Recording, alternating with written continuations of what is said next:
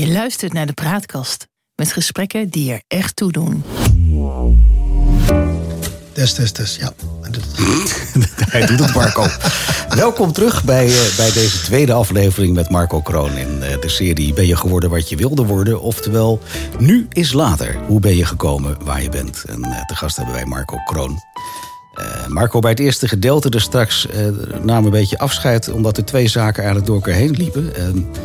Eigenlijk gaat het over nu eens later, kom ik zo meteen op terug voor wat betreft je carrière. Maar je bracht het zelf ter sprake dat we allereerst uh, natuurlijk jouw uh, situatie in 2007 gehad hebben.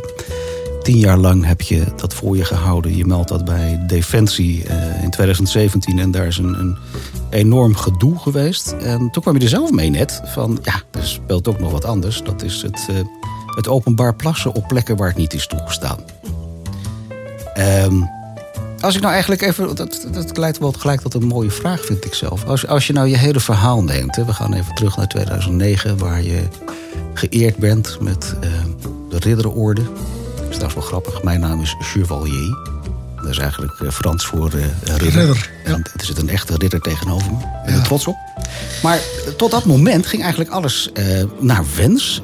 je kon je houden aan. aan, aan aan alle codes die er maar binnen de militaire orde uh, zijn. Uh, je werd geëerd in elke vorm. En op een gegeven moment ging dat niet goed. Wat is er nou niet goed gegaan? Wat is er nou, als je nou vanuit nu 2022 terugkijkt, wat ging er nou niet goed? Wat er niet goed ging is dat ze, ik denk, die medaille nooit hadden moeten uitreiken. Dat is wat er, uh, ze gaan in één keer. en dat, ik, ik sluit mijn eigen gedrag zeker niet goed. Hè. En ik heb echt wel fouten gemaakt. Maar hoe kwam dat? Dat je vanaf dat moment fouten ging maken. Nou, we hoeven niet in, in, details wat voor fouten. Nou, daar is in de media meer dan genoeg over geweest. Maar wat gebeurde er nou in jou? Nou, niets. Niets. Ik denk, ga elke heilige volgen. En uh, dan zul je altijd iets zien. Dus, en het is net hoe het uiteindelijk wordt uitgelegd. Uh, vanaf het moment dat ik dus uh, die ridderorde kreeg. En dat was ja, voor mij uh, tot op uh, een paar uur van tevoren heb ik de 29 mei de ceremonie nog willen af uh, willen cancelen. Omdat er, ja, er spookte toch wel nog een monster in mijn hoofd. Ik moest nog met iets komen. Ik moest nog iets gaan verklaren. en het staatshoofd slaat mij zo meteen tot ridder. Slaat mij tot, tot, tot held. Terwijl ik wist, hé, hey, potverdikke kroon, je moet nog steeds met iets komen. Ja, dat stond toch los van, van jouw heldendaden? Nee, maar dat, ik heb er helemaal niet kunnen genieten van die dag. Ik had iets heel anders in mijn hoofd. Wat had je dan in je hoofd? Ja, ik voelde me gewoon, eh, gewoon echt eh, bar slecht. Ik, ik, vond, ik vond dat ik nog iets moest gaan vertellen. Uh, echter, uh, ja, maar, dat, maar dat voegde toch niks toe aan, aan, aan de reden waarom je door toenmalig koningin Beatrix geridderd bent. Nee, maar je moet je voorstellen, die gevangenschap, dat is als een trauma. Dat, dat, dat, dat was een trauma voor mij. Het is net als, kijk, als je kijkt naar de meiden die nu openbaren bij uh, The Voice of Holland, mm. dat er iets met ze is gebeurd. Ja. Nou, dat doet iets met ze. Ze kunnen erover praten. Mm. Ja, en ik kon er niet over spreken. Ik, ik had nog iets te verwerken. En ik was helemaal niet bezig met die medaille. Tuurlijk, je wordt het in één keer ten deel, je hoort in één keer, uh, je krijgt de militaire Wilmsorde. Oh, maar ik had daar helemaal geen. Ik was er helemaal niet mee bezig. Ik, had met, ik was met iets heel anders bezig in mijn hoofd. Maar kon je, kon je die twee zaken niet los zien? Nee, dat gaat niet. Je kunt met een. Dat, als je iets uh, is overkomen, er is iets gebeurd. Dan ben je daar de hele dag mee bezig. Ik was de hele dag dronken. Hm. Ik had toen net een kroeg. En uh, het enige wat ik, uh, waar ik mee bezig was, is om zoveel mogelijk plezier te maken. Om dat monster in mijn hoofd maar weg te drukken. Is daar ook ooit bij jou PTSS gediagnosticeerd? Ja, afgelopen jaren ben ik daar uiteindelijk mee uh, in, uh, in aanraking geweest. Ik heb daar therapie voor gehad. Mm. En uh, dat, nou, dat heeft nu wel zijn plekje gekregen. dus dat, dat, ik denk dat ik er sterker uit ben gekomen. Ja. maar goed, dat is, niet, dat is geen makkelijke weg geweest, nee. Een hele eenzame weg. Vanaf het moment dat ik, en dat is echt niet zielig of zo, maar vanaf 29 mei 2009 durf ik te zeggen dat de krijger Marco Kroon wel is gestorven. Ja. Op, opeens moest je overal uh, lintjes doorknippen, zwaaien en je was de grootste held van Nederland. Ja. Uh, altijd bewust gekozen voor de schaduw als commando. En plotseling moet je op een voetstuk gaan staan. En moet je, zijn, moet je iemand zijn die je helemaal niet bent. Hm. En uh, nou, dat doe je dan uit pure loyaliteit naar boven. Want het komt natuurlijk de missie Oerisgan wel heel erg goed uit. Dat we in één keer een held hebben en dat we de missie weer in het positief daglicht kunnen stellen. Ja, en die, en die rol die trok ik mezelf ook wel aan. Want ik snapte het, het belang daarvan. Uh, buiten het feit dat ik, uh, dat ik vond dat we met z'n allen gewoon ons werk hadden gedaan. En iedereen die medaille had verdiend. Maar dan zeg je eigenlijk van, ik, ik ben daar inge, ingestopt omdat het een promotionele zaak was. Nou, ik denk dat het zeker wel mee heeft gespeeld, ja. Absoluut. En, wat ik links om me heen, links en rechts hoor, dat we ja, sinds de tweede of sinds de heel lang waren het toch wel de feiten logen er niet om wat wij gedaan hadden daar. Ja. Maar ik denk al dat het ook heel erg uh, publicitair goed uitkwam om de missie Oeriskan weer wat leven in te blazen. Dat denk ik zeker wel, ja. Maar dat is voor het eerst sinds 1955. En, en er zijn natuurlijk voor, voordat Oeruzkan kwam, zijn er al veel meer missies geweest. Dus waarom zou, zou Defensie daarvoor kiezen dan? Uh, nou, om, om, om zo'n ridderorde uit te reiken, dat mag je toch ook aannemen dat ze dat oprecht gedaan hebben. Omdat jij uh, ja, blijkbaar een staat van dienst had op dat moment, die daartoe aanleiding gaf. Maar ik geloof ook wel dat er bepaalde redenen zijn. En dat er best wel bijzondere omstandigheden zijn. Dat als ze een uh, Willemsoord hadden moeten uitreiken, dan was nu, was nu het moment. Hmm. Alleen ja, voor mijzelf heb ik dat altijd heel erg moeilijk gevonden. Omdat voor mij de, de, de echte ridders, nou, die komen uit de Tweede Wereldoorlog en uit de Korea-tijd. En nu Guinea, die mannen hebben in mijn optiek, dat zijn mijn helden. En dan komt er een tijdje niets. Ja, en dan mogen wij als uh, jonge ridders mogen er een keer aan ruiken. Ja. En zo heb ik dat ook echt altijd gewoon gevoeld. Want uh, ja. En bagatelliseer je eigen daden dan niet? Ja, onze daden. We hebben, het, we hebben het met z'n allen gedaan. En, okay. Dus ja, misschien wel. En misschien is het wel een militair eigen dat we, wij doen ons ding voor elkaar. En pas als we door anderen uiteindelijk worden verteld hoe, hoe, goed het was, dan beseffen we misschien wel dat, dat het best wel bijzonder was. En, mm. Alleen ja, het is een nadeel. je krijgt hem alleen. Terwijl eigenlijk, ik vind dat voetstuk waar ik op had moeten staan, dat hadden we gewoon 27 plekken moeten hebben. Ik, uh, ik, ik heb jouw boek hier voor me liggen, uh, uh, Nassau 2.0. Uh, dat is je laatste boek die net onlangs uitgekomen is. Ja. ik meen uit mijn hoofd op pagina 9, daar benoem je ook alle namen van mensen die het niet gered hebben. Ja. Daar draag je het boek aan op. Eigenlijk. Van Nederlanders die daar zijn gesneuveld, ja. ja. ja. Ja, dat blijft altijd. En sommige kende ik persoonlijk en in ieder geval sommige niet. Maar ja, iedereen die het hoogste offer heeft gebracht voor, uh, voor de vrijheid van anderen, die verdient het om uh, in ieder geval nooit uh, te worden vergeten. En laten we ook vooropstellen, um, zij zijn hun leven kwijt. Maar de gezinnen en de thuisfront, daar, die zijn ook een deel van hun leven kwijt. Ja. Dus en dat is. Er veel, veel meer in. Ja, dat is wat we heel, waar we heel vaak niet bij stilstaan. Dus. En daarom mag een militair en ook agent hoor, een brandweerman, iedereen die zich in dienst van Nederland uh, vrijwillig uh, ja, zijn leven op de waagschaal legt. Ik denk dat hij uh, meer respect verdient dan dat we met z'n allen soms geven. Ja. Nou, ben ik een beetje eens. Maar tegelijkertijd hè, kan je ook omkeren, want dat, dat is een vraag die echt al op mijn lippen brandt vanaf het moment dat we eigenlijk dit interview zouden gaan doen. Een hele tijd geleden al was. um, Oeruzgan Afghanistan heeft nu een ontwikkeling doorgemaakt de afgelopen uh, nou, jaar, zeg maar, die iedereen als onvoorstelbaar gezien heeft. We hebben het net over al die jongens die overleden zijn daar, die omgekomen zijn. Uh, ik zit nu met een veteraan te praten aan de overkant die daar meermaals geweest is. Hoe kijk jij nu als Marco Kroon, dus niet als major en, en niet als ridder, maar gewoon als mens? Hoe kijk je nou terug op die hele missie gezien de ontwikkelingen nu? Nou, ik denk dat er weinig verschillen tussen de mens en tussen de militair Marco Kroon. Dat is altijd een voordeel als je gewoon lekker jezelf blijft. Mm. Um, ja, ik vind zelf dat we gewoon veel te weinig tijd hebben gekregen om het daar af te maken. Uh, als militair zijn. Uh, als je kijkt dat we in Bosnië gewoon bijna 30 jaar hebben gezeten. Ja. Uh, en dat was ook een, toch wel een smerig conflict. Maar goed, dan verwachten we dan is het dan heel vreemd om te verwachten dat je bij een land waar gewoon 80% voor 400 jaar terugleeft, ja. uh, dat we dat dan binnen een paar jaar kunnen, uh, kunnen bewerkstelligen. We, het is gewoon een feit dat uh, twee generaties zijn opgegroeid in vrede daar. En we hebben daar dus, het, het lukt dus wel om plaatselijk en tijdelijk het verschil te maken. Het enige wat we nog nodig hadden was tijd. En dat hebben we politiek gezien eigenlijk nooit gekregen. En dat is niet alleen aan onze Nederlandse regering.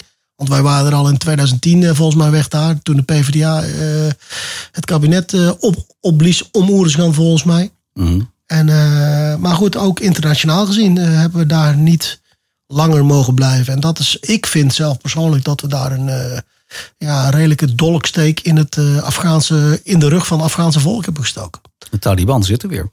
Ja, die zijn eigenlijk nooit weg geweest. Alleen zijn alleen even gewoon rustig geweest. En um, ja, ik weet dat eh, de, de sharia al gewoon weer, weer helemaal is ingevoerd. Zeker in de, in de steden buiten Kabul. Wat vind je ervan als je daar eh, naar ja? Ja, dat doet pijn. Dat doet heel erg pijn. Want je weet dat je het verschil hebt kunnen maken. Ja. En ik snap ook echt wel dat uh, we.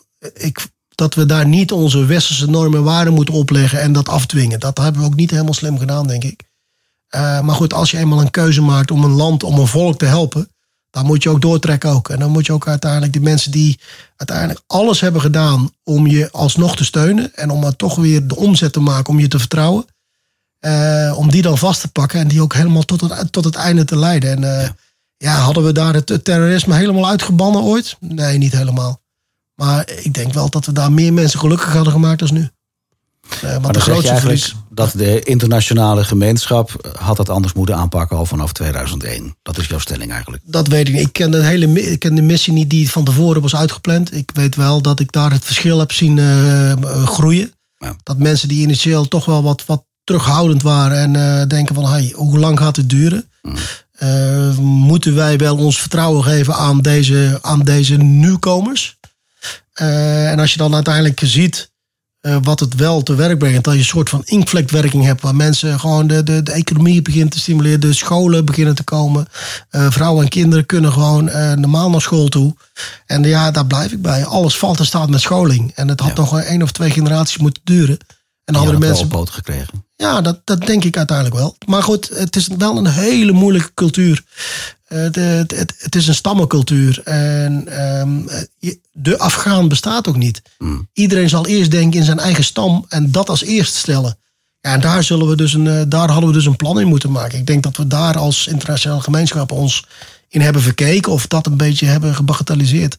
Dat, dat, uh, dat we dat wel heel snel zullen gaan veranderen. Ja, dat is dus niet gebeurd. Ja, er zijn natuurlijk nogmaals heel veel mensen omgekomen daar. Die, ja, uiteindelijk moeten we eigenlijk concluderen voor niks zijn overleden. Mag ik dat zo zeggen? Nee, ik denk als je dat zegt, dan doen we de mensen tekort. Uh, die daar vol overtuiging hun leven hebben gegeven. En niemand gaat bewust een leven geven. Mm. Uh, maar dat is wel een risico wat je neemt als militair. Je weet dat dat kan gebeuren. Uh, voor een bepaalde zaak. Um, zoals ik al gezegd, we hebben daar tijdelijk en, en uh, ja, tijdelijk het verschil weten te maken. Plaatselijk en tijdelijk hebben wij daar met onze inzet, met onze inbreng, uh, hebben wij het verschil weten te maken. En dat is met die hoedanigheid uh, wil ik daar ook in blijven geloven. Dat als we de tijd hadden gehad, dat het, dat het anders was gegaan. En ja, het mocht helaas niet zo zijn. Je hebt zelf ook kinderen, vertelde je in het eerste gedeelte, die in de leeftijd zijn tussen de 19 en de 27, als ik het goed onthoud. Ja. Uh, ook in het leger zitten. Zou je dezezelfde uitspraken gedaan hebben als een van, van, van hen was omgekomen daar?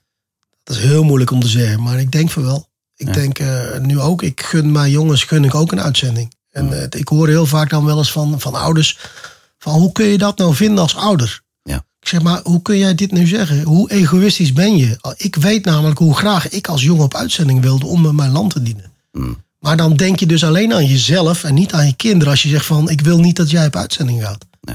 Ik zeg, ik, ik, ik gun uh, mijn jongens de ervaring die ik heb. Ik ben er als mens en als militair alleen maar sterker door geworden. En ja, ik heb heel veel ellendige dingen gezien. Maar wat de winst die ik daarmee heb, is dat het me ook enorm heeft uh, verrijkt als mens, uh, als militair. Ja. mijn relativeringsvermogen is, is enorm. mijn veerkracht is er alleen maar door gegroeid. Uh, waarvan ik denk dat ik als mens ook gewoon sterker in het leven sta. En waar ik alle klappen die ik privé heb uh, gekregen, dat ik met name door mijn ervaringen op uitzending en zie hoe mensen het nog veel slechter hebben als, als ik ooit heb gehad. Ja. Uh, dat je dan denkt, hé, hey, waar lul ik in godsnaam over? Waar, waar, en die ervaringen die je meekrijgt, die kameraadschap, het blind voor elkaar dingen willen doen. Ja, die wil ik mijn jongens niet uh, onthouden. En dat kun je en doen. Dat, dat, heeft dan het risico. Ja, dan, dan dat is het risico in. Dat, dat is het kan. zo. Maar laten we eerlijk zijn, er gaan meer vrachtautochauffeurs uh, dood met het uitoefenen van hun baan. als militairen met het uitoefenen van hun baan. Is dus, dat zo? Is dat wetenschappelijk aangetoond? Ja, dat, dat, dat Of is dat gewoon een absoluut nou, getal? Dat maar er zijn natuurlijk ook veel meer vrachtauto's, dus dat is niet zo gek. Ja, dat, dat, misschien is dat de, de simpele theorie van uh, Marco Kroon. Maar ik, ja, maar goed, als je dus kijkt, 25, en natuurlijk zijn er 25 te veel hè, in, Oersguit. Maar als je de, de cijfers kijkt van de Amerikanen en van de Engelsen. Ja, die loopt in de drie, vier cijfers. Dus uh, ik denk dat wij het als Nederland gewoon enorm goed hebben gedaan. En uh, mijn eeuwige respect voor de mannen die, uh, ja, die het hoogste offer hebben gebracht. En voor hun thuisfront. Die er nog dagelijks mee leven. Nou ja, maar dat is natuurlijk wel een thema. Hè? Want als, als militair behoor je ook je taken uit te voeren nadat de politiek daar tot een beslissing komt. Ja. Um, en je daar dan als militair de opdracht toe krijgt van nou, dan moet je dingen doen. Um, maar je kunt het ook wel eens inhoudelijk daar niet mee eens zijn. Hoe ga je daar dan mee om? Eh, hoe vind je jouw weg daar, daarin? Dat je, dat je soms misschien taken moet doen. Wellicht dat je naar uw Oeruzkan geweest bent en dacht van joh, wat doen we hier? Ja, dat, dat, dat, dat is zo. Ik denk net zoals in het normale bedrijfsleven moet je soms dingen doen waar je niet helemaal mee eens bent. Ja. Alleen ja, ons product is wat anders. Is het genereren van gevechtskracht. En uh, in die nodige... Mooie kreet. Genereren ja, van gevechtskracht. Ja, dat is ons product. En dat is wat men heel vaak niet wil zien. Want we zijn namelijk niet om voedselpakket uit te delen. Nou ja, laat we eerlijk zijn. Eh, vanuit politiek perspectief was Oeruzkan in de tijd een opbouwmissie. Maar in werkelijkheid kwam je terecht in een criminele, eh, schimmige guerrilla-oorlog. Zeg. Ja, dat, dat, dat, klopt. En dat weet je van tevoren natuurlijk niet. Er zijn natuurlijk inlichtingen, organen die je van alles nog door uh, moeten voorzien van uh, die informatie. En uh, ja, daarom sturen ze meestal commando's als eerste om inderdaad de ground truth, om die naar ja. boven te halen. Ja, en dat waren wij doen als eerste. En wij kwamen al heel snel achter dat het, ja, dat het voedselpakket uitdelen nog wel wat langer kon duren. Toen moest eerst. Dat zeg je met enig sarcasme. Maar, ja. wat, wat, maar wat ging er dan door de mens en soldaat Marco Kroon heen dan? Je komt daar binnen en je denkt, joh, wat is dit voor bende hier? Wat gaan we, wat gaan we hier doen? Ja, je wist natuurlijk wat je gaat doen. Je weet dat daar eh, vanaf 1 augustus uh, is Nederland daar gebiedsverantwoordelijke. En dan, dan zijn wij als Nederland ervan. En nou, voor die tijd hoop je zoveel mogelijk informatie te krijgen. En met name de voelsprieten overal zo'n beetje eh, te hebben uitgegooid. Om, de, om je opvolgers die te voorzien van de juiste informatie. Waardoor ze echt zo effectief en efficiënt mogelijk hun middelen kunnen inzetten uiteindelijk. En, ja, en dat, dat vergt offers. En dat klinkt heel, heel nobel, maar dat klinkt ook heel zwartgallig misschien. Maar dat is wat het is. Ja, dat, dat vergt offers, maar dat zijn wel offers waar naar jouw persoonlijke mening wellicht het fundament onder ontbreekt. Dat je denkt van, ja, waarom doe ik dit? Nou, maar dat, dat ja, nee. Nee? Nee. last van. Nee, daar heb ik last van. Je, hebt een bepaalde, je kunt natuurlijk eens zijn of niet eens zijn met een bepaalde missie. Hmm. Maar daar ben je uiteindelijk militair voor geworden door uh, te dienen. En op je eigen niveau om daar het uh, discussie aan te gaan. Ja. Want ik ga niet zelfmoordacties en dat soort zaken, daar gaan we niet. Als ik weet van tevoren, we hebben hier geen kans, dan zal ik dat weigeren. Ja. Maar ik wel, wel dusdanig van, uh, ja, dit is nou eenmaal een risico. Op het moment dat je bij de commando zit, weet je dat je uh, initial entry als eerste ergens naar binnen wordt gegooid. En dan ja, moet je maar afwachten wat je tegen gaat komen. En dat ja. is ook wel een beetje de, ja, het mooie daaraan. Dat je niet weet wat je gaat tegenkomen. En, uh, dus het avontuur weer. Ja, het avontuur. En je weet, je staat niet alleen. Je doet het ja. met z'n allen. En dat is. Kameraadschap. Wat ja, dat, dat geeft je zoveel kracht. Dan kun je heel de wereld aan. Letterlijk en figuurlijk. Maar dan zeg, ik, zeg je eigenlijk van, joh, op dat moment, ik, ik kan die knop omzetten. Het is, ja, soms mist het fundament. Ja, zwaar, dit is maar zo.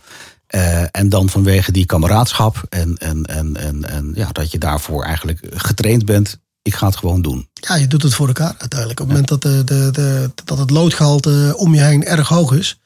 Dan Mooie is het, uitspraak. ja, ja dan, dan, doe je, dan doe je het voor elkaar. Ja. Je hebt daar ook in Oereskant veel meegemaakt. Eh, ook in voor jou tot dan toe onbekende culturen. Je omschreef net al wat eh, daarvan. Um, maar dat betekent ook dat je eigenlijk de mens in al zijn facetten hebt leren, hebt leren kennen. In, in, in mooie dingen misschien, maar ook in hele vrede, nare dingen. Um, ik denk dat dat wat met een mens doet. En met jou als mens, Marco ook. Um, mag ik vragen, wat, wat zijn voor jou nou de meest opmerkelijke veranderingen die je bij jezelf geconstateerd hebt? Ik denk dat het bij mezelf. Ik heb natuurlijk meerdere missies gedraaid. Um, ik denk dat de grootste verandering voor mij is doorgekomen uh, naar mijn eerste uitzending.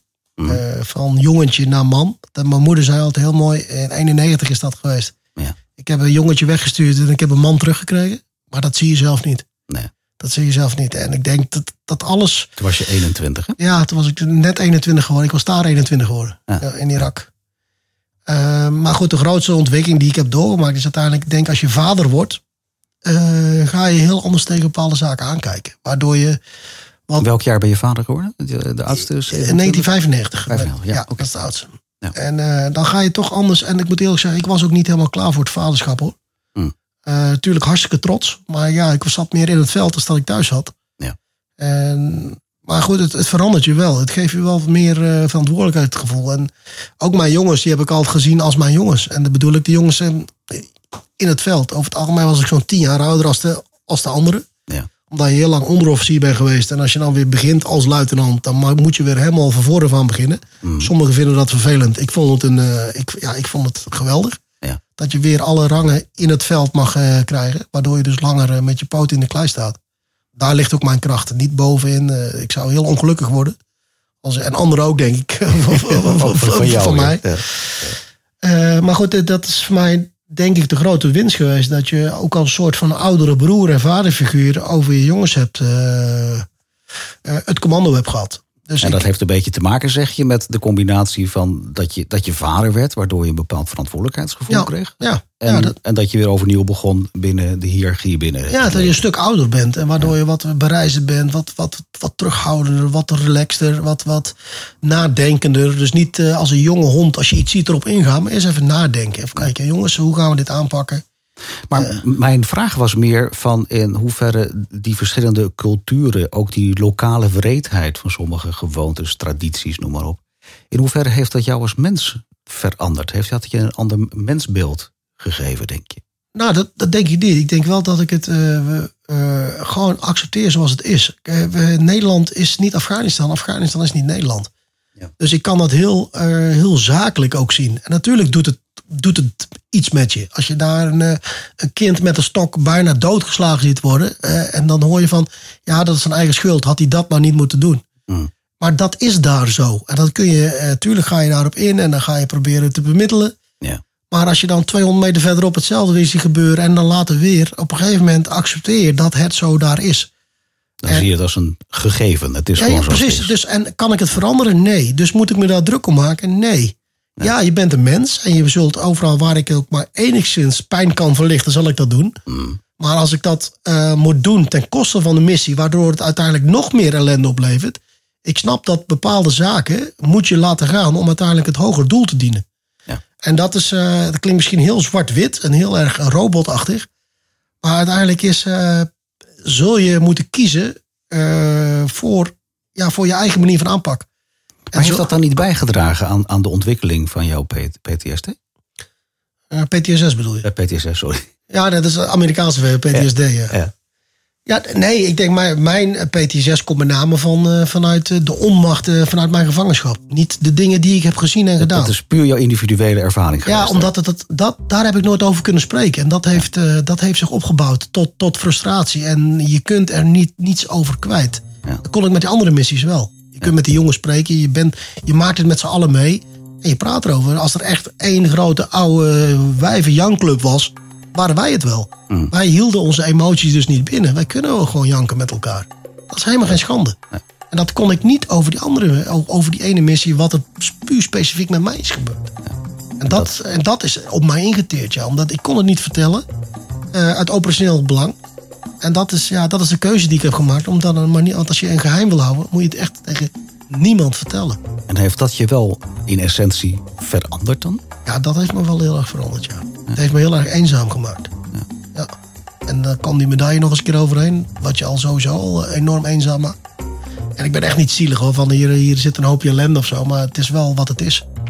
Het heeft mij, uh, het, het, laten zo, die medaille is voor mij geen, uh, is, is, ja, is geen beloning geweest. Het heeft geen toegevoegde waarde voor jouw leven. Nee, het, nee, heeft er juist mijn leven negatief veranderd. Nee. Zometeen in deel 3. Dankjewel. Graag gedaan.